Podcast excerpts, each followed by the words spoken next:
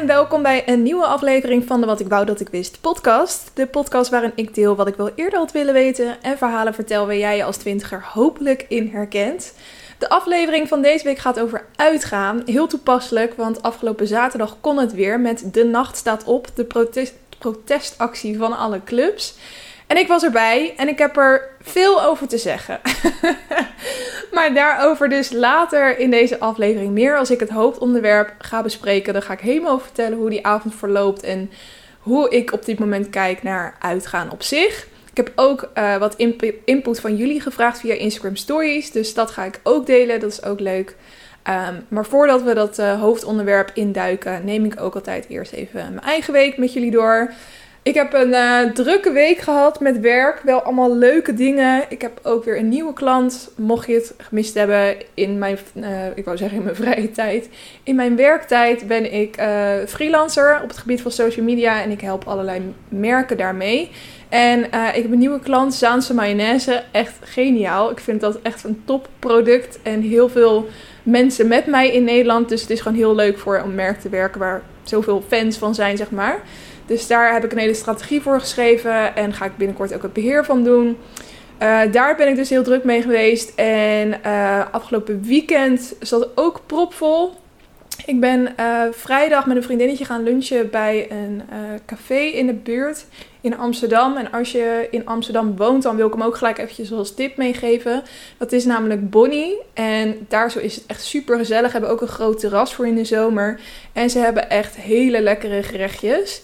Um, ik had er wel eens een paar keer avond gegeten, maar nog niet geluncht. En uh, ik had echt het lekkerste lunchbroodje wat ik in tijden op heb. Het was krokante kip met avocado en kimchi op een broodje. Het was echt fantastisch. En een vriendinnetje had avocado toast uh, met een eitje erop.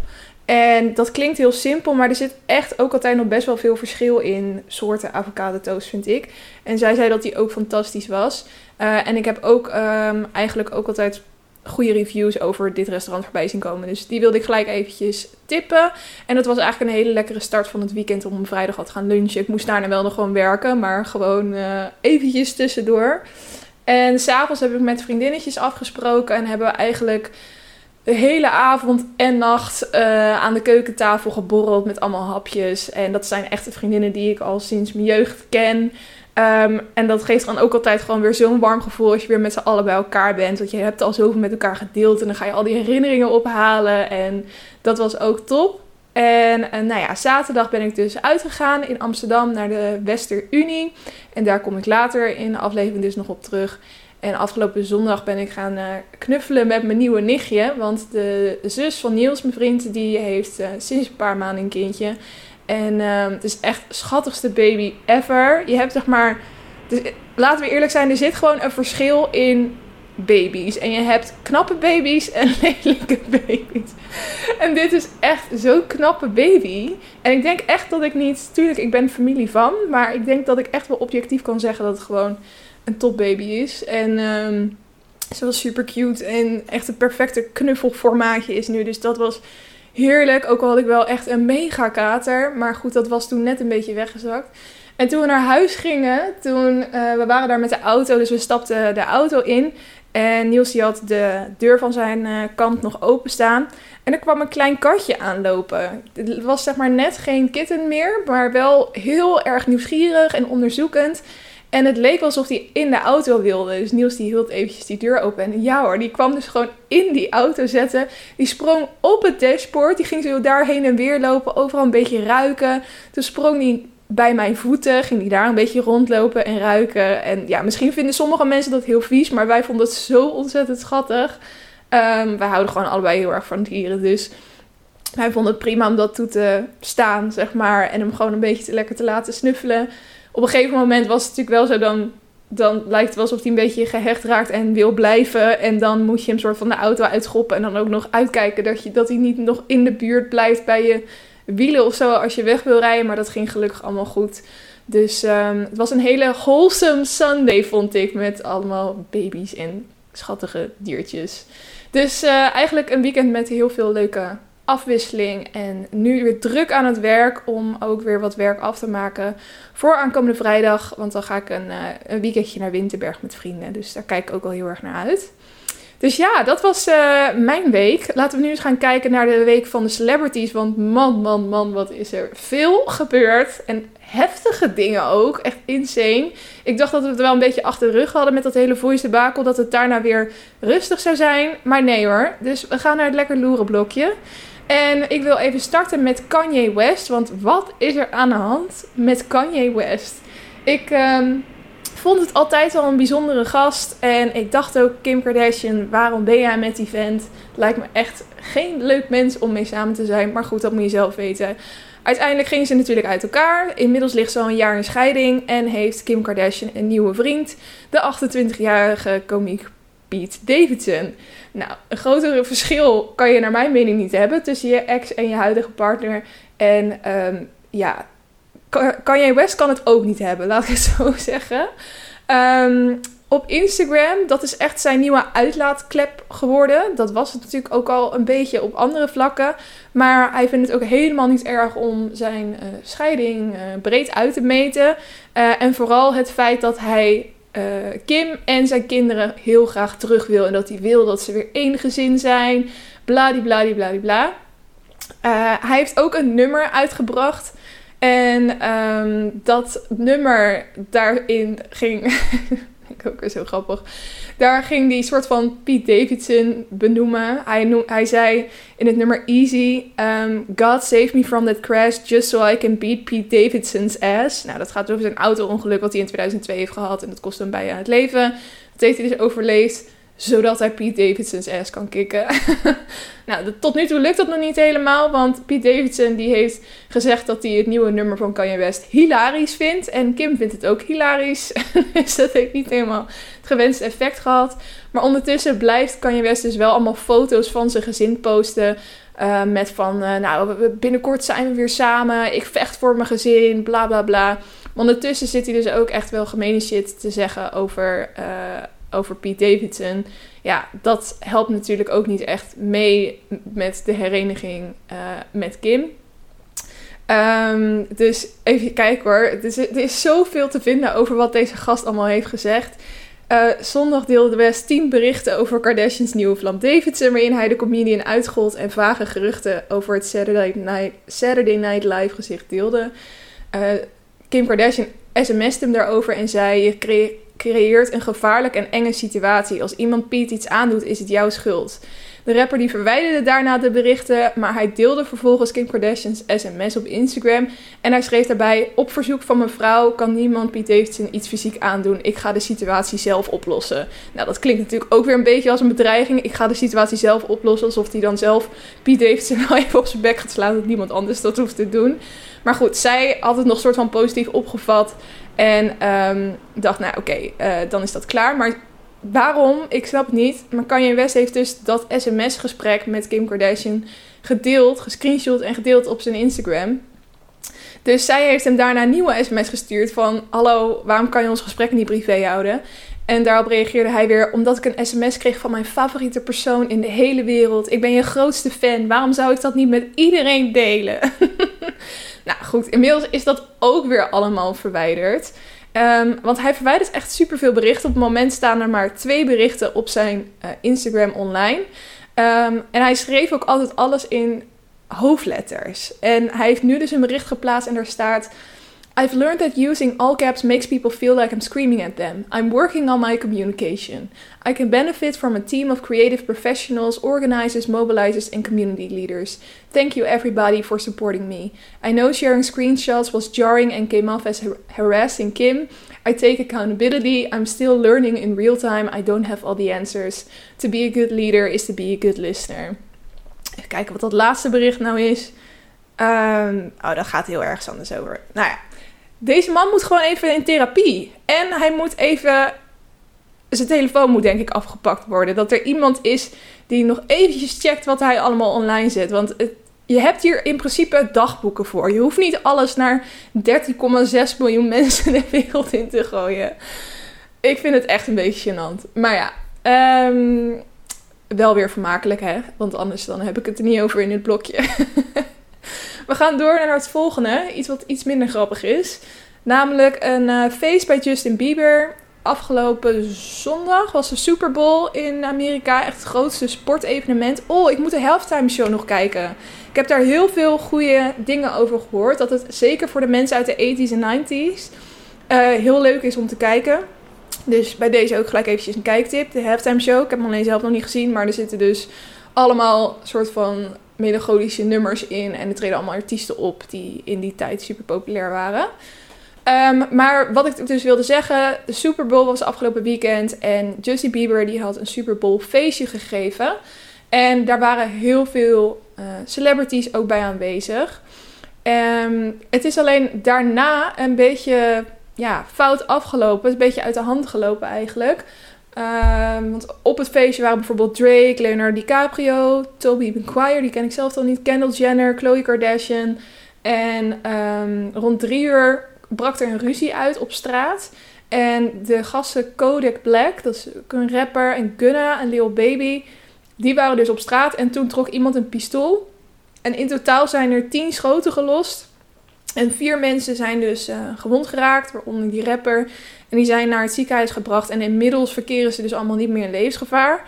Maar wel heel bizar dat zoiets opeens uit het niks uh, gebeurt natuurlijk. Ik heb ook nog niet kunnen vinden wat nou precies de details zijn van deze ruzie. Alleen dat dus niemand inmiddels meer in levensgevaar is. Dus dat is in ieder geval positief. Um, maar wel een beetje raar, toch? Ik vraag me ook af, ja, ik vind dat sowieso raar aan Amerika. Ik denk dan, waar haal je dan opeens een pistool vandaan? Ten eerste, waarom heb je een pistool? Nou, dan zeggen Amerikanen natuurlijk altijd uh, om mezelf te beschermen. Um, ten tweede, waarom neem je het mee naar een feestje? Of is het dan toch een buitenstaander geweest die dan dat feestje is binnengedrongen en het leuk vond om op allemaal celebrities te schieten? Uit een soort van, ja, jaloezie of zo. Ik weet niet precies wat hier verder is gebeurd, maar in ieder geval, niemand is overleden. Dat is goed om te horen. Uh, dan gaan we door naar het volgende nieuwtje. En we gaan nu naar Nederland. Want in Nederland is ook aardig wat gebeurd afgelopen week. Uh, en ik heb echt genoten van. Uh, ik ben nog steeds heel blij met het feit dat ik live of Yvonne, oftewel Yvonne Kolderweijer op Instagram volg. Want daardoor wist ik dit nieuws echt binnen 10 minuten of zo. Omdat haar stories dus ook elke keer vooraan komen te staan bij mij. Want zij heeft eigenlijk twee dingen de wereld ingebracht afgelopen zondag. Ten eerste dat Glennis Grace is opgepakt. Die is in uh, de gevangenis gezet door een akkefietje bij de Jumbo met haar zoon. Want uh, wat was er gebeurd? Haar zoon die liep in de Jumbo en die vond het een goed idee om een elektronische sigaret op te steken. Vond hij doodnormaal. Uh, de Jumbo-medewerkers niet. Die zeiden tegen hem: joh, kan je dat even niet doen? Anders moeten we de zaak uitzetten. Hij helemaal door het lint. Vindt hij niet kunnen dat, dat, dat hij er daardoor uit moet gezet worden. Dus hij wordt met en met. En uh, nou ja, dat, helpt, dat haalt niks uit, denk ik. Dus hij gaat terug naar huis, naar zijn mammy, Glennis Grace. Glennis Grace wordt boos, want ja, haar kinderen doen natuurlijk nooit wat fout. Dus zij trommelt zeven mensen op om terug te gaan naar de Jumbo. Om eens eventjes de Jumbo-medewerkers de waarheid te spreken. Eens eventjes aan te pakken, want hoe durf je dat mijn zoon aan te doen? Vast weer discriminatie, bla bla bla bla bla. Nou ja, dat is uh, dus een beetje uit de hand gelopen. Ze zijn toen op de vuist gegaan. Um, de Jumbo heeft alarm geslagen bij de politie. Die kwam aanrijden en die heeft uh, Grace en volgens mij ook die zoon en nog één iemand anders van die zeven mensen die ze had meegenomen um, opgepakt. En uh, ja, in de cel gegooid. Inmiddels is Glennis Grace daar wel weer uit. Um, en nu gaat er dus een heel onderzoek lopen. Maar ja, het is natuurlijk ook. Zij heeft nu een bericht op de Instagram geplaatst. Afgelopen zaterdag ben ik aangehouden na een incident in een supermarkt in Amsterdam. Ik zie het onderzoek dat nog steeds niet is afgerond met vertrouwen tegemoet, omdat ik weet dat ik geen strafbare feiten heb gepleegd. Hoewel ik hier graag meer over wil zeggen, houd ik, houd ik in het belang van het onderzoek op dit moment mijn mond. Zodra dat kan, geef ik een reactie, liefst Glennis. Ik weet dat ik geen strafbare feiten heb gepleegd. Het is letterlijk door meerdere mensen gezien dat jij gewoon op de vuist ben gegaan in een supermarkt en dat is dan niet strafbaar. Ik vind het, weet je, zeg dan niks. Dat denk ik dan echt. Zeg dan gewoon niks. Laat het gewoon in het midden. Maar dan willen ze toch soort van nog een klein beetje hun gezicht redden of zo. De uh, damage is done. Just, ja, ik, uh, ik denk, waarom zou je dat dan nog online zetten? Maar ja, um, dat was niet het enige wat op zondag was gebeurd. Want daarna plaatste Live Yvonne een filmpje. En ze had er ook een disclaimer voor gezet dat het best wel eens heftig kon zijn. Het was namelijk een filmpje waarbij Leeuw Kleine zijn vrouw Jamie Vaas in elkaar slaat met de autodeur. Um, ik heb het filmpje dus ook gezien. Vond het echt best wel heftig. Uh, als jij het niet hebt gezien, ik kan het nog even beschrijven. Ik denk dat je het nieuws ook wel hebt meegekregen. Maar zij zitten dus uh, samen in de auto. Hij loopt naar haar kant van de auto toe en doet haar deur open. Zij zit dus in de bijrijdersstoel. Je ziet dat hij echt super boos wordt op haar, naar haar aan het schreeuwen is, druk met zijn handen aan het bewegen is. En op een gegeven moment trekt hij haar soort van de auto uit, maar ze zit nog half, dus haar hoofd hangt soort van naar beneden tussen de deur en de auto in. En op dat moment begint hij met die deur tegen haar hoofd aan te slaan. Nou, het is echt verschrikkelijk. Het gaat ook best wel lang door. En um, ja, het, het, het is gewoon een soort van bewijs dat er dus niks is veranderd. Want afgelopen zomer was natuurlijk dat gedoe op Ibiza. Dat zij heel dat bebloede gezicht had. Dat je zag dat ze naar de rechtbank liep en et cetera, et cetera. Toen hebben ze een video online gezet uh, met hun samen. Waarin ze eigenlijk zeiden van, joh jongens we werken eraan, we lossen dit zelf op, we houden nog steeds van elkaar. Um, laat ons alsjeblieft uh, met rust en we lossen dit privé op en het gaat goed en bladibladibla. bla. Maar de, je zag gewoon aan de lichaamstaal van beide dat zij toch soort van, ja, misschien lees ik dat dan verkeerd, maar ik voelde dat wel zo dat zij daar zo echt met soort van angst zat. Hij pakte haar toen ook zo heel ruw beet. En je zag haar nou niet echt liefdevol kijken of zo. Het was echt zo van, ho, wat doe je? En um, toen, toen waren er natuurlijk al mensen die zeiden van...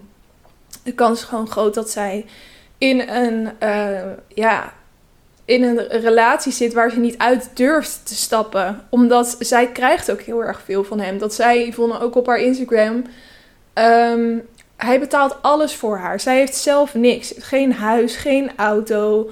Um, hij betaalt alles wat zij doet. De boodschappen, weet ik veel allemaal. Dat huis in die pizza waar zij dan wonen met het zoontje. Staat allemaal op zijn naam. Dus hij heeft natuurlijk best wel veel macht over haar. Om haar soort van in die relatie te houden.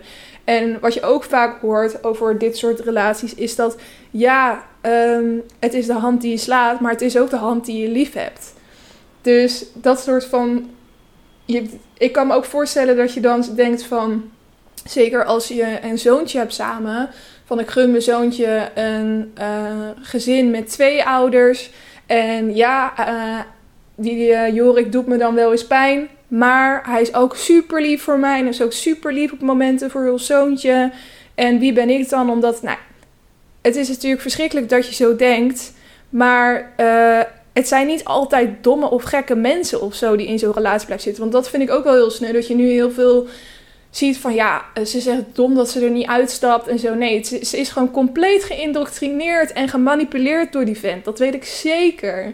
En nu is het dan wel eindelijk het punt dat zij volgens mij uit die relatie is gestapt. Ik zag in ieder geval een bericht op Kim Kardashian. Oh, sorry, Kim, ik zit nu helemaal met Kim Kardashian in mijn hoofd.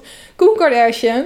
Um, op zijn Instagram, want dat is de beste vriendin van dat is beste vriend van Jamie Vaas. En hij had iets gezegd van, wat ben ik blij voor je dat deze ellende nu eindelijk voorbij is. Oftewel, daar suggereert hij een beetje mee dat zij eruit is gestapt. Ik zag ook videobeelden dat zij bij hem thuis was, ook met die Estelle. Um, en dat zij haar aan troosten waren. Blijkbaar is, zitten er echt helemaal doorheen. Um, ze krijgen nu verplicht psychologische hulp. Zowel zij als Leeuw Kleine. En um, hij zit nog steeds vast in de cel. En er gaat natuurlijk ook een heel onderzoek plaatsvinden. Ook omdat een kind bij betrokken is. Dus er moet wel een soort van bevestiging zijn en bewijs dat dat goed kan gaan. Zowel beide, want natuurlijk hij uh, is gevaarlijk. Of in ieder geval, dat lijkt uit deze beelden dat hij een gevaarlijk persoon is, omdat hij uh, ook haar mishandelt. Dus je weet ook niet, hè, wat, wat heeft hij dat kind dan ook wel eens iets aangedaan. En aan de andere kant is hij mentaal nog wel sterk genoeg om een kind op te voeden. Dus dat wordt nu volgens mij allebei bekeken.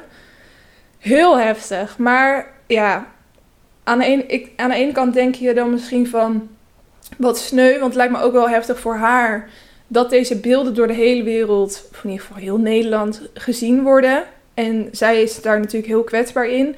Aan de andere kant denk ik dan, soms lopen dingen ook zoals ze moeten lopen. Want wie weet hoe lang zij nog in die relatie had blijven zitten als deze beelden niet waren uitgelekt. Dus voor allebei is natuurlijk weer wat uh, te zeggen. Maar goed, um, genoeg uh, juice, als je het zo kan noemen, van deze week. Best wel heftige dingen allemaal. Maar ik denk ook bij heel veel van dit soort dingen van het zijn ook echt goede levenslessen. En gewoon dat. Ik, las ook ergens van 2022 is het jaar dat BN'ers op hun plek worden gezet. Of dat wordt laten zien wat een goed rolmodel is. Of iets in die trant. Of dat niet meer voor lief wordt genomen. Of dat ze op een soort pedestal worden gezet. Um, waar dat zij niks fout kunnen doen. Dat nu ook eigenlijk, hopelijk, uh, iedereen en ook alle BN'ers en iedereen met macht in Nederland inziet dat ze niet zomaar shit kunnen flikken. En dat is uh, hier denk ik wel allemaal heel goed aan. Dus dat is het voor het lekker loeren blokje. Dan gaan we nog even door naar lekker leven. Want ik heb nog wat leuke tips voor jullie om je leven leuker te maken. Um, ten eerste een kijktip. Ja, The Bachelor, uiteraard. The Bachelor is begonnen op Videoland met uh, Thomas. Thomas van Stuk TV. En um, nou, zoals jullie weten doe ik ook een klus voor Stuk TV. Dus afgelopen maandag toen de aflevering online kwam, kon ik dus gewoon onder werktijd die aflevering kijken. Want ja, misschien zit er ook weer wat in wat we kunnen gebruiken voor de socials van Stuk TV. Dus ik uh, voelde me helemaal het vrouwtje op de bank met die aflevering voor werk. Zat ik dat gewoon heerlijk te kijken. um, en ik vond het ook echt een top aflevering. Ik had bij Tony Junior gewoon heel erg... Um, ik vond hem niet heel leuk. Gewoon niet een heel erg likable persoon. En ik vind Thomas echt heel likable. En um, het zou ook echt een jongen kunnen zijn waar ik op zou kunnen vallen. Dus dat maakt het ook een soort van leuker om naar te kijken. Ook omdat je het hem een soort van gunt of zo. Dat is het denk Hij heeft gewoon heel erg de gunfactor. En dat had Tony Junior niet, in mijn mening. Naar mijn mening. Um, dus dat vond ik top. En het was ook nog wel een verrassende aflevering. Ja, dat is al in het nieuws gekomen. Dus dat kan ik wel zeggen inmiddels dat opeens op het moment dat hij eh, de roos wilde geven voor de first impression, want hij heeft dan één voor één komen die vrouwen uit de limo zetten voor hem. En uh, ik heb het helemaal niet ingeleid trouwens. Wat als je de Bachelor niet kent? Nou, Thomas van Stuk TV, die krijgt, uh, die zit in Mexico en daar komen, ik weet niet meer precies uit mijn hoofd, iets van 13 of misschien nu 16, want er zijn er drie bijgekomen vrouwen naartoe, omdat zij met hem een relatie willen. En dan gaat hij één voor één met hun daten. Soms zijn het groepsdates. En elke keer valt er iemand af. En een roos is een belangrijk onderdeel. Want als je een roos hebt, dan betekent dat dat je door mag naar de volgende ronde. Um, en er is dus ook een impression rose. En dat is dus dat nadat hij ze allemaal heeft ontmoet op de rode loper, dat hij dan één roos geeft aan degene die het meeste indruk op hem heeft gemaakt. Um, maar op het moment dat hij dat wilde gaan doen, kwamen er dus nog drie extra vrouwen binnenzetten. En um, ja, dat was een soort van verrassing van... Oeh, er zijn nog meer meiden, er is nog meer concurrentie, bla bla bla. Ik vond het heel awkward. Ik, ben, ik zou, als ik had meegedaan, echt niet een van die drie vrouwen willen zijn. Want zij kwamen binnen en het was echt awkward. Gewoon niemand van die vrouwen ging er naartoe, wat ik nog soort van snap. Maar het was ook niet direct duidelijk wat zij dan daar kwamen doen. En iedereen was ook nog een soort van in shock. Dus er hing gewoon een hele ongemakkelijke stilte toen zij binnenkwamen. En um, ja, toen werden ze een soort van meegenomen. Want dan kregen ze nog een eigen momentje met de Bachelor. En uh, toen ging het wel weer volgens mij. Maar die vrouwen gingen ook gelijk katten onder elkaar. Van het maakt toch geen kans. Is geen concurrentie voor ons. Bla bla bla. bla. Terwijl die Thomas net had gezegd blijf tijdens dit avontuur ook lief tegen elkaar als deelnemsters. Nou ja, dat is dus al gefaald. Vandaag is de nieuwe aflevering online gekomen. Die heb ik zelf nog niet gezien. Maar daar ben ik uiteraard ook heel nieuwsgierig naar. Ik denk dat dit echt een superleuk seizoen gaat worden. En er is eigenlijk ook al in de teasers een beetje verklapt dat hij dus daadwerkelijk de liefde gaat vinden. Dus dat is ook wel een leuke belofte voor het einde. Op Videoland staat dat dus. Dan uh, wil ik nog een andere kijktip geven. Ik dacht misschien is het wel leuk om eens een keer de mensen te delen die ik graag volg op YouTube en op Instagram. Dus daar heb ik er twee van uitgepikt. Dus ik heb eerst een kijktip voor op YouTube en dat is Iris Amber. Dat is een uh, Nederlands meisje en zij is gek op mode. En wat zij dus ook bijvoorbeeld doet is Iris Rates. Dan gaat ze dus outfitjes van uh, mensen die haar volgen beoordelen. Die hebben daar zelf om gevraagd overigens. Die hebben die foto ingestuurd. En dan gaat zij daar haar mening over geven. Maar ze heeft gewoon een hele unieke stijl die ik niet heel vaak op straat zie. Maar die ik wel echt heel vet vind. Uh, dus daar krijg ik heel veel inspiratie door. Ook de stylingvideo's die zij maakt en zo. Maar ik vind haar vooral ook heel erg grappig als mens. Ze, ze, woont in Den Haag. Ik denk dat ze ook uit die regio komt. En dat hoor je ook heel goed aan haar accent. Ze praat gewoon een beetje plat. Ze is heel nuchter, recht voor zijn raap. En ik hou gewoon heel erg van dat soort mensen. En wat ik ook wel heel tof vind, is dat zij heel veel deelt over haar um, ja, mentale staat. Dat ze af en toe uh, heel erg onrustig is of moeilijk vindt om alleen te slapen. Of dat ze bepaalde dingen moet overwinnen voor zichzelf. Dat ze eerst bijvoorbeeld niet in drukke ruimtes met heel veel mensen durft te zijn. En dat ze dan nou dat, dat deelt ze ook wel heel erg in haar video's. Daar is ze ook heel open over. Dus ik vind het ook altijd heel mooi als mensen daar kwetsbaar over kunnen zijn. En op dit moment is ze allemaal vlogs aan het uploaden van uh, haar reis naar New York. Ze is dus in er eentje naar New York gegaan en is daar allemaal dingen gaan doen. En ik krijg daar ook altijd heel veel energie van. Als mensen gewoon zoiets hebben van fuck it, ik ga gewoon in mijn eentje naar New York en ik zie wel wat ik daar ga doen. En dat je dan allemaal dingen meemaakt dat vind ik ook altijd interessante avonturen om te volgen. Dus die wilde ik eventjes als kijktip meegeven.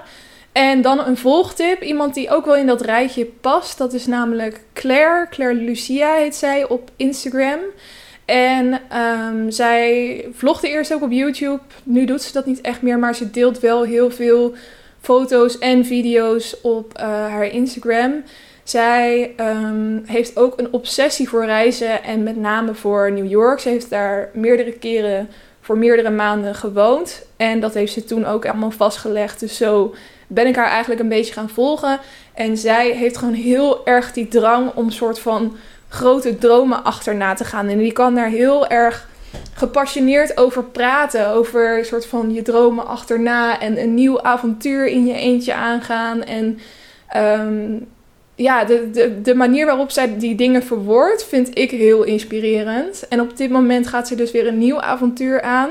Haar vriend, want ze heeft ook al jarenlang een vriend, ook in die tijden dat zij dus gewoon voor een half jaar in New York zat.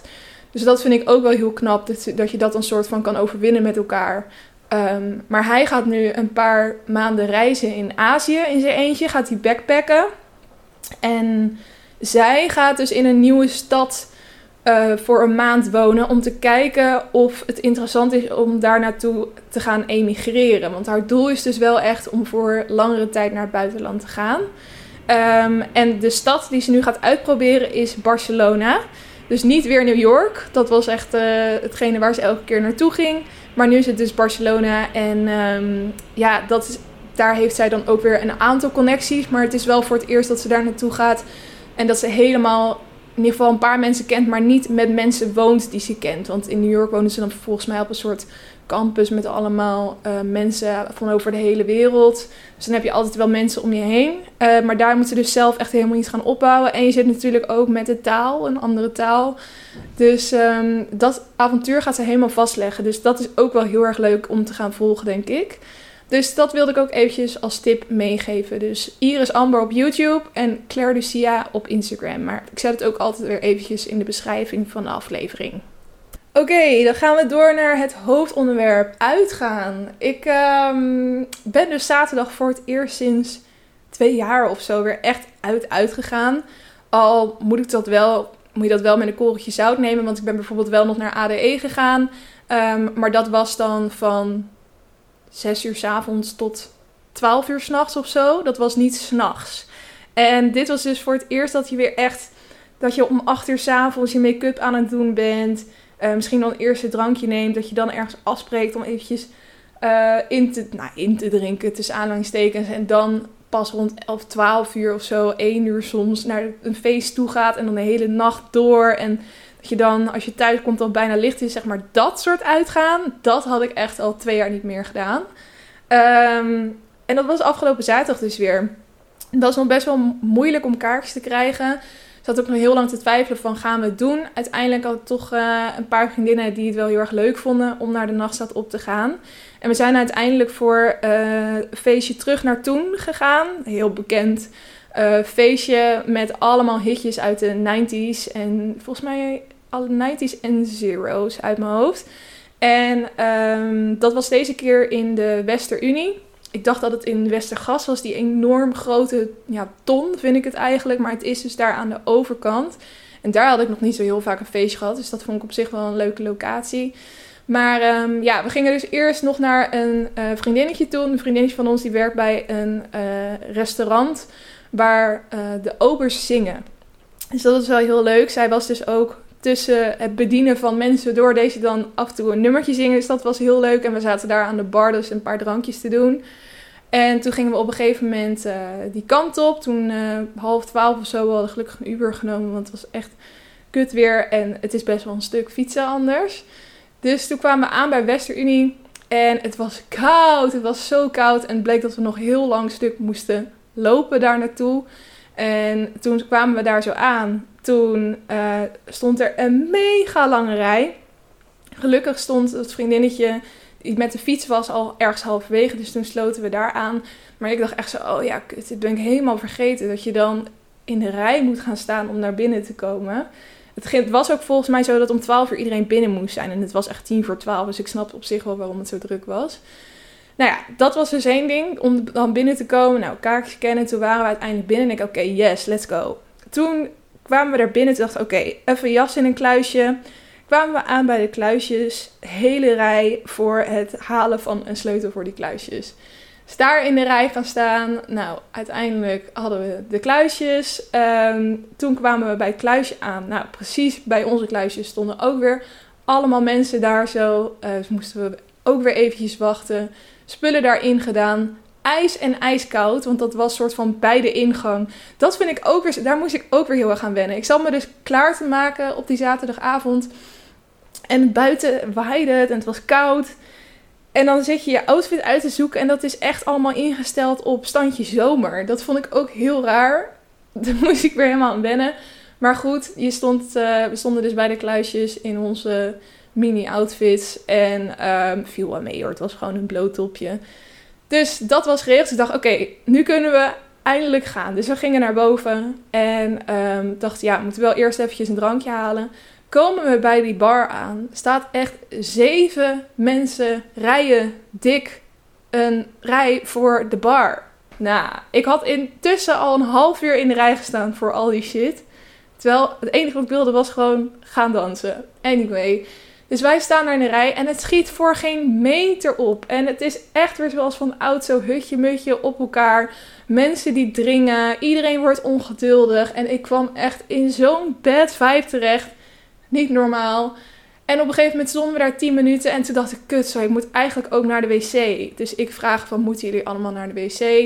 Um, nou ja, toen besloten van, oké, we splitsen op. Twee gaan hier in de rij staan voor de drankjes en de andere twee gaan naar de wc. Dus wij naar boven naar de wc's toe. Nou, je raadt het al. Een rij. en niet zomaar een rij, ook weer een rij waar je minstens 10 minuten, misschien wel een kwartier in moest gaan staan. En uh, ik werd nog zo chagrijnig. Ik werd zo chagrijnig. Het is echt. Ik had dat volgens mij niet voordat ik voor zeg maar heel corona met uitgaan. Dan wist je dit soort van. En dan rekende je mee. En het was ook soort van part of the experience. Maar mijn hele geduld was weg. Gewoon echt weg. En ik vond het heel stom, want ik probeerde een soort van... Het is een feestavond, het is de eerste keer uit met z'n allen. En ik wil dan ook weer niet de chagrijnige persoon zijn die er soort van bijstaat of zo. Maar ik zat gewoon zo slecht in mijn moed. En uh, nou ja, op een gegeven moment daar in de rij gestaan. En toen hadden we onze drankjes. Uh, sorry, toen waren we naar de wc gegaan. Toen gingen we terug naar vriendinnen. Die hadden de drankjes, maar die waren ook gelijk helemaal back af. Omdat het blijkbaar zo'n drama was om die drankjes te krijgen. En toen dachten we, wat gaan we nu doen? Want je ziet echt een mega menigte mensen. En dat is best wel overweldigend als je zo lang niet meer uit bent geweest.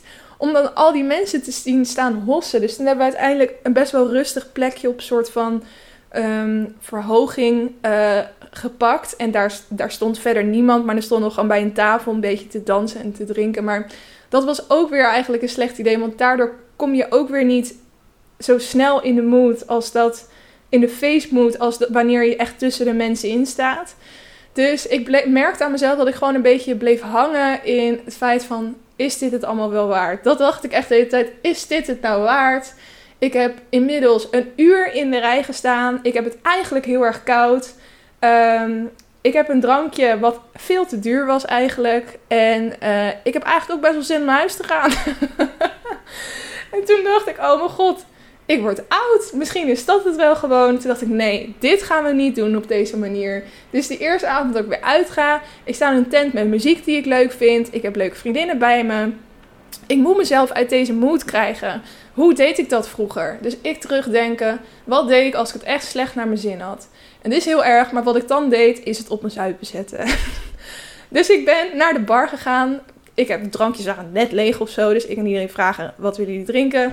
Ehm, dus ik ben naar de bar gegaan. Uh, ik heb er eventjes mezelf moed ingesproken, want je moet toch weer in die rij gaan staan.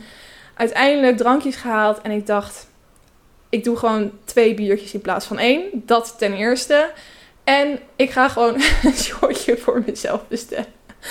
Dus ik heb één shotje Sambuca besteld en ik heb die ter plekke bij de bar achterover gegooid. Die twee biertjes heb ik denk ik in een kwartiertje opgedronken allebei. En toen merkte ik, oh, het wordt best wel leuk nu. nu. Nu, nu heb ik een beetje zin om te gaan dansen. En dat werd steeds meer en steeds meer. En uiteindelijk zijn we naar beneden gegaan en hebben we allerlei verschillende plekken in de zaal gedanst en met mensen gepraat. En toen ging het wel weer. Maar het hele punt wat ik wil maken is: wat een gedoe om soort van het naar je zin te hebben. Het is echt struggelen gewoon om tot dat punt te komen dat je het naar je zin hebt. En ik probeer een soort van te rationaliseren waar dat dan nou aan ligt. En ik denk echt dat corona daar dus ook heel erg veel mee te maken heeft. Dat gewoon. Ehm, het, het, zijn echt twee jaren geweest waarbij je heel erg de ruimte hebt gekregen om gewoon te doen waar jij zin in hebt. En heel erg aan jezelf te werken. Self-liefde, self-love, whatever. Maar om gewoon precies te doen waar jij zin in hebt. Je ging vroeg naar bed. Je maakte het gewoon fijn voor jezelf. En Huisfeestjes vond ik top. Uh, die je dan nog had. Dat vond ik eigenlijk een prima alternatief. Vond ik stiekem veel leuker dan uitgaan. Heb ik nu beseft. En de etentjes, omdat je op een gegeven moment natuurlijk ook had je dat je met maar een paar mensen tegelijk mocht afspreken. Dus je had gewoon best wel veel privé etentjes of met één ander koppel of met een paar vrienden erbij. Vond ik ook super gezellig. En ik zat eigenlijk gewoon helemaal op de juiste plek met die dingen. Gewoon huisvisjes en uh, gewoon kleine dineetjes, kleine borrels. Dat vond ik eigenlijk super gezellig. En um, dat hele uitgaan, dat, dat is ten eerste is het gewoon, was het een best wel heftige overgang, denk ik. Van helemaal niks naar weer echt uitgaan. En aan de andere kant Ehm, denk ik ook dat je dus gewoon het, het geduld kwijt bent voor dat soort zaken. Voor lang in de rij staan, ehm, voor mensen die tegen je aanspringen en dat soort dingen. Dat je gewoon opeens beseft van, hé, hey, dit is eigenlijk helemaal niet chill. En ik vind het ook heel erg sneu dat het dan, want ik kan wel zeggen van, ja, dat is alleen nu, maar ik heb dat in het verleden ook best wel gedaan. Als ik dan uitging met vriendinnen en toen ging je echt nog gewoon elke zaterdag, als ik het dan niet zo naar mijn zin had, dan nam ik gewoon een extra drankje en op een gegeven moment had ik het dan wel naar mijn zin. Maar ik denk dan ook hoe sneu eigenlijk dat je dan soort van maar jezelf ladder zat gaat maken om het nog een beetje naar je zin te hebben. En ik wil nou ook niet zeggen dat ik uh, uitgaan altijd stom heb gevonden, want ik vind ook super leuk. Ik heb ook avonden gehad dat ik echt de tijd van mijn leven had en dat ik later dacht waarom doen we dit niet elke avond? Die avonden zijn er ook. Maar als ik dan kijk hoe, hoe vaak het zeg maar zo dat je extatisch blij wordt van zo'n avond. Versus dat het wel leuk is, maar je ondertussen superveel geld kwijt bent. Um, eigenlijk heel veel momenten het slecht naar je zin hebt gehad die avond. Dat je heel veel moeite hebt moeten doen. Weet ik veel, de regen hebt moeten fietsen of whatever. Dat je de volgende dag een groot fucking grote kater had. Dat je heel de zondag eigenlijk de plannen die je had weg kan dieven, de deur uit. En uh, dat je een soort van anxious gevoelde, oh, daar kan ik ook zo slecht tegen. Ik dacht eerst dat ik dat alleen zelf was, dat ik alleen dat had. Maar later, dan kom je online, kom je een soort van memes tegen en dan besef je dat iedereen dat dus heeft. Maar op het moment dat je best wel wat hebt gedronken op een uitgaansavond, dat je dan de volgende ochtend langzamerhand die flarden weer terugkrijgt. Je bent aan het douchen en je opeens herinner je een gesprek dat je met iemand had aan de bar. Of je herinnert je weer hoe je aan het dansen was of whatever. En dan ga je opeens denken van, oh, heb ik niet hele rare dingen gezegd? Heb ik niet heel stom staan dansen? Misschien heeft iedereen wel naar me zitten kijken en heb ik dat helemaal niet doorgehad. Oh, wat denken andere mensen nu eigenlijk van mij? Dan ga je opeens dat soort gevoelens krijgen. Blijkbaar is dat gewoon een ding wat bij een kater zit, wat je er soort van gratis bij krijgt. Ik dacht dus dat ik dat altijd persoonlijk was. Maar dat anxious gevoel, dat kan je dus ook krijgen bij een kater. Ehm, dat ook, maar dat allemaal bij elkaar ingenomen, is dat het dan waard? En terwijl ik dat zeg, haal ik mezelf ook, want dan denk ik van, oh nee, ik word echt oud, weet je wel. Want vroeger had ik dit soort gedachten helemaal niet. En dan weet ik ook nog wel dat andere mensen dat zeiden van, nee, nee, ik ga niet meer uit. Nee, ik vind het eigenlijk veel leuker om gewoon een dinertje te doen met vrienden. En dat ik echt, jezus, ik ga echt nooit zo worden, want dan ben je echt oud. en ik wil ook met dit hele verhaal niet zeggen dat ik niet meer uitga. Ik ga het zeker nog doen. En ik kan ook eerlijk vertellen, ik heb afgelopen zaterdag, want zo ben ik dan ook wel weer, dan wil ik het wel tot het einde doortrekken. Dus pas om vijf uur toen de lampen uitgingen, ging ik weg. Als ik het zo slecht naar mijn zin had, had ik ook veel eerder weg kunnen gaan. Maar goed, daar was natuurlijk ook wel wat alcohol bij betrokken. Ehm, maar ik wil ook niet meer zeggen dat ik niet meer uitga. Maar het is wel dat ik. Het lijkt wel alsof er een soort, soort mindshift is geweest. Wat deels komt door corona en deels komt door ouder worden. Waardoor ik wel op een andere manier tegen uitgaan aankijk. En waardoor ik denk ik nu ook wel vaker wat ehm, een, betere afweging ga maken van of ik zin heb om uit te gaan. Omdat je toch iets bewuster bent van wat voor invloed het dan heeft op uh, de rest van je weekend. En uh, weet ik veel, gewoon alle de kosten die erbij komen kijken, de moeite die je moet doen om er te komen. En um, het, de momenten of je het dan ook echt naar je zin gaat hebben. Je krijgt natuurlijk ook nooit een, een bewijsje zo van: hier is een bewijs. Je gaat het deze keer als je uitgaat echt super erg naar je zin hebben. Dus je moet nu gaan. Dus het is ook een soort van een gamble die je neemt. Bewust van wie weet wordt het wel de beste avond ooit. Dus ik ga er gewoon voor. En die hoop, die maakt natuurlijk ook weer heel interessant om uit te gaan. Dus dat snap ik ook wel weer. Um, oh, en ook één ding wat ik wilde noemen. Ik merk toch ook wel, mag gezegd worden, dat op het moment dat je een relatie hebt, dat uitgaan ook minder interessant wordt. Want ik vind het super leuk om met allemaal mensen te kletsen op een platonische manier. Maar je merkt gewoon dat iedereen die uitgaat toch op zoek is naar iets voor aan het eind van de avond. En um, ik vind het dan altijd toch best wel lastig om in een gesprek te zeggen met iemand op een bepaalde manier duidelijk te maken van nee, dit is puur platonisch, want ik heb een vriend. Dat voelt toch ook altijd een soort van moedkiller om dat te zeggen, ik heb een vriend. Maar je moet het op een gegeven moment zeggen, want het is ook, ik vind het ook lullig voor diegene, want die geeft een soort van hoop om dat hier iets uit gaat komen of whatever. Terwijl, ja, als jij echt op zoek bent voor iets deze avond, ga dan alsjeblieft naar iemand anders toe, want dat gun ik jou ook. Weet je wel, op die manier. En ook, ik vond het wel heel leuk vroeger dat je soort van de hunt had, weet je wel. Dat je zo een beetje om je heen zat te kijken van, oeh, die kijkt naar mij. Oh, vind ik die leuk? Ja, ik vind die op zich wel leuk. Ik ga nog een keer terugkijken. Hm, misschien kunnen we wel wat meer in die buurt gaan dansen. Dan kan ik een praatje maken. En dan kom je elkaar nog een keertje tegen, et cetera.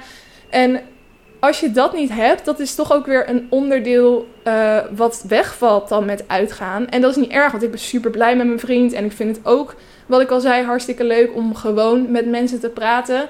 Maar je merkt wel dat op zo'n avond uitgaan dat heel veel mensen daar wel mee bezig zijn. Dus het is een soort van missend element op de avond. En um, ik moet ook weer terugdenken aan bepaalde gesprekken die ik dan dus wel heb gehad met gasten. En die zijn ook gewoon zo dronken vaak. Kijk, ik zal waarschijnlijk ook ik was ook dronken. Maar ik merk het ook wel heel erg aan bepaalde mensen. De manier waarop ze praten. Dat je ze een soort van. Ze moeten heel dicht zo in je oor gaan hangen. Zodat je die warmte en spetters op je oor voelt. ik wil helemaal lachen als ik hier aan denk. Maar er was dus ook zo'n gast die mij meerdere keren op de avond opzocht. En elke keer zei die dingen dat klonk als. ik verstond er gewoon geen reet van. En ik vond het ook. Ik vind, het is natuurlijk ook niet heel aantrekkelijk als iemand zo dronken is en uh, zo overduidelijk op zoek is naar iets. En ik had toen op dat punt ook al meerdere keren gezegd van joh, um, ik heb een vriend, dus uh, doe vooral je ding, maar uh, bij mij gaat niks gebeuren. En die wilde gewoon, dat, dat heb je ook van dat soort mensen die dan een soort van de aanhouder willen zijn. Die denkt van, ja, maar je hebt nog geen ring om je vinger, dus ik ga het gewoon nog een paar keer proberen. Maar ondertussen wel echt zo dronken over me heen hangen. Dat ik naar een vriendin die daarachter stond zat te kijken van help, ik wil dit niet, weet je wel. Dus nou dat uh, was mijn avond uitgaan. Ik wil ook nog eventjes kijken naar wat andere mensen hebben gezegd over uitgaan in het algemeen. Want ik had dus op mijn Instagram uh, gepost van nou, ik ga over dit onderwerp een aflevering maken. En ik ben heel erg benieuwd wat jullie van uitgaan vinden.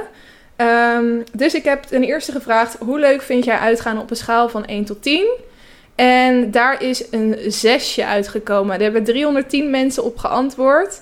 En even kijken hoor, ja, hij zit wel echt in het iets over het midden heen. Dus ik zou zeggen een zesje. Nou, dat is best wel laag eigenlijk. Um, wat vind je het leukst aan uitgaan, heb ik nog gevraagd.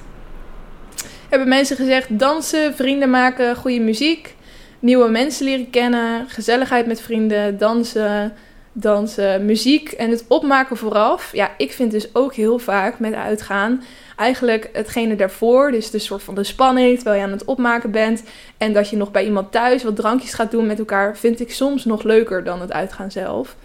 Um, de dagen erna met vriendinnen praten over het uitgaan is vaak gezelliger nog dan het uitgaan. Dat is ook apart, hè? Dan kunnen we het soort van helemaal romantiseren in ons hoofd. En ik had dat ook toen ik met vriendinnen het erna over had. Dat je dan herinnering gaat ophalen. Ik dacht, oh, ze hadden ook best wel grappige momenten in die avond. Um, excitement, verandering van de plaats. Dat vind ik wel echt een belangrijk punt. Je bent natuurlijk op een gegeven moment ook gewoon zat om in huiskamers te zitten. En dat is wel tof met alle lichten en muziek overal om je heen. Uh, die kan ik ook nog wel begrijpen. Gezellig zijn met de mensen waarmee je uit bent. Verstand op nul, niet nadenken, maar gewoon gaan. Uh, iemand zegt ook: Ik ben in mijn leven nog nooit uit geweest. Toen ik eindelijk de mogelijkheid kreeg, kwam COVID. Dat vind ik zo'n bizarre gedachte dat er zoveel jongeren zijn die gewoon nog nooit uit hebben kunnen gaan. Dat je gewoon dat niet. Je hebt niet eens een mogelijkheid gekregen om dat uit te proberen. Vind ik ook bizar. Het lijkt me dan heel apart om dan op latere leeftijd opeens in een club te staan. Dat je denkt: wow, hier ben ik nog nooit geweest. Anyway, uh, dansen en flirten. Mm -hmm. uh, nieuwe mensen leren kennen. Tijd vergeten. Drankjes. Lekker losgaan op goede en slechte muziek. Het hele sociale aspect. Nou ja, beetje dezelfde antwoorden wel. Dan gaan we nog even kijken wat de mensen niet leuk vinden aan uitgaan. Omdat ja, er wordt maar een zesje gegeven in principe aan uitgaan door jullie. Slechte muziek of weinig sfeer. De kater de volgende dag. Alle ontzettend dronken mensen. Dronken racistische grapjes. Mensen die ruzie maken. Hele dronken mensen. Dure drankjes, slechte muziek. Laat thuiskomen en dus de volgende dag niet productief zijn. Zwetende mensen. Uh, te luidruchtig. Jongens die handtastelijk worden. Oh ja, dat, dat hier ook. Irritante mannen of jongens die ongevraagd aan zitten of het de hele tijd proberen. Vooral aan de bar met drankjes halen is dat echt niet normaal. Dan, dan is het soort van ongezien. En dan denken ze gewoon alles te kunnen maken. Ik kan me daar ook heel erg aan ergeren. Het gedoe eromheen. Er zit vaak ook heel veel geregeld bij, inderdaad. Overweldigende drukte. Als mensen proberen je te overtuigen om wat meer te drinken of langer te blijven. Mensen waar je geen zin in hebt en dat het altijd laat begint en laat eindigt. De day after, iemand zegt alles.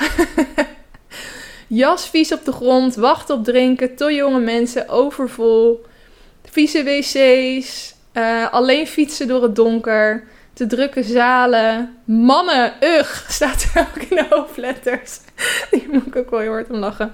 Geld uitgeven, nou dat is ook wel bizar hoor. Ik heb eens opgeteld wat ik die zaterdag heb uitgegeven. En dat is niet normaal. Dat is echt, nou, dat was ik ook eventjes kwijt, dat dat zoveel geld kan kosten. Um, je kan niet echt kletsen. Dat vind ik ook wel een ding inderdaad. Vaak staat de muziek net te hard dat je dus in iemands oor moet gaan schreeuwen. En dan verzaakt het dus heel vaak gewoon niet.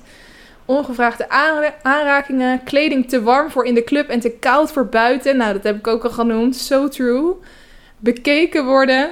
Ikzelf, hahaha, ik ben niet leuk dronken. ik ga stuk.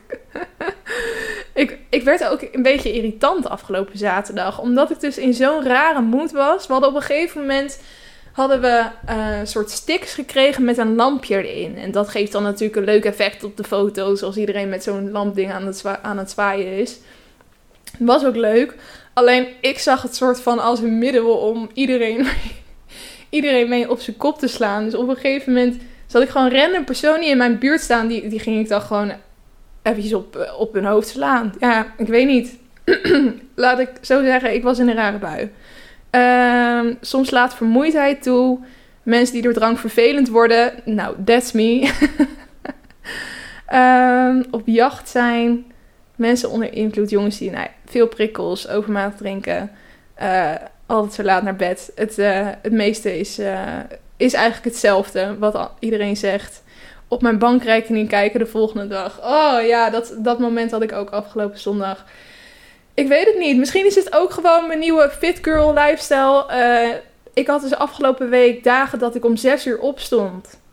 Meerdere dagen. En op zaterdag lag ik om 6 uur in.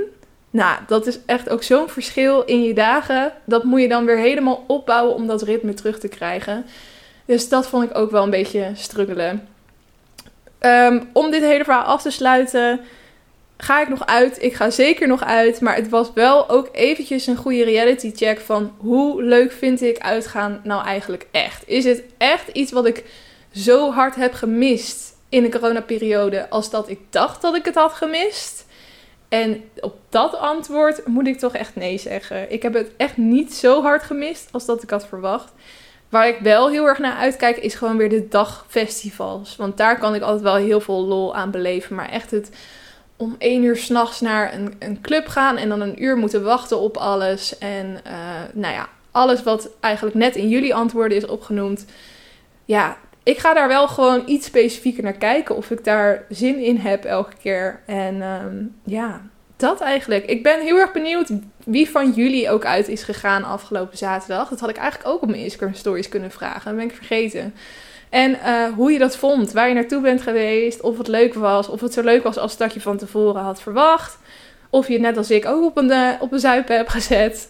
Uh, of je er spijt van had, of je juist heel erg blij bent dat je weer hebt kunnen gaan. En ook als je komende tijd weer gaat, volgens mij mag alles tot één uur weer open. Sowieso gaan natuurlijk heel veel coronamaatregelen de deur uit. Echt bizar dat dit weer soort van, ik denk het wel, gewoon weer het jaar wordt waarin alles kan. Laten we het hopen dat het aanhoudt.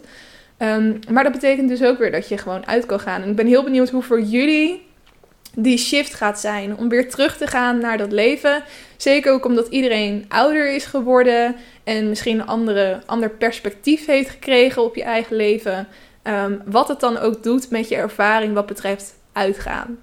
Dus um, let me know als je het leuk vindt om daarover verder te praten. Dan kan dat altijd in mijn Instagram DM's. Op Instagram ben ik wat ik wou dat ik wist podcast. En verder zou ik nog willen vragen om, als je het leuk vindt, deze podcast te raten op Instagram. Je kan tegenwoordig sterren geven en dat helpt bij de vindbaarheid van mijn podcast. Dus dat zou ik ook heel lief vinden. En verder wil ik je bedanken voor het luisteren naar mijn rant, zo kan ik het wel noemen. en alle juice en mijn week, et cetera, et cetera. En uh, ik hoop dat je de volgende week ook weer gezellig bij bent. Dus tot dan. Doei doei.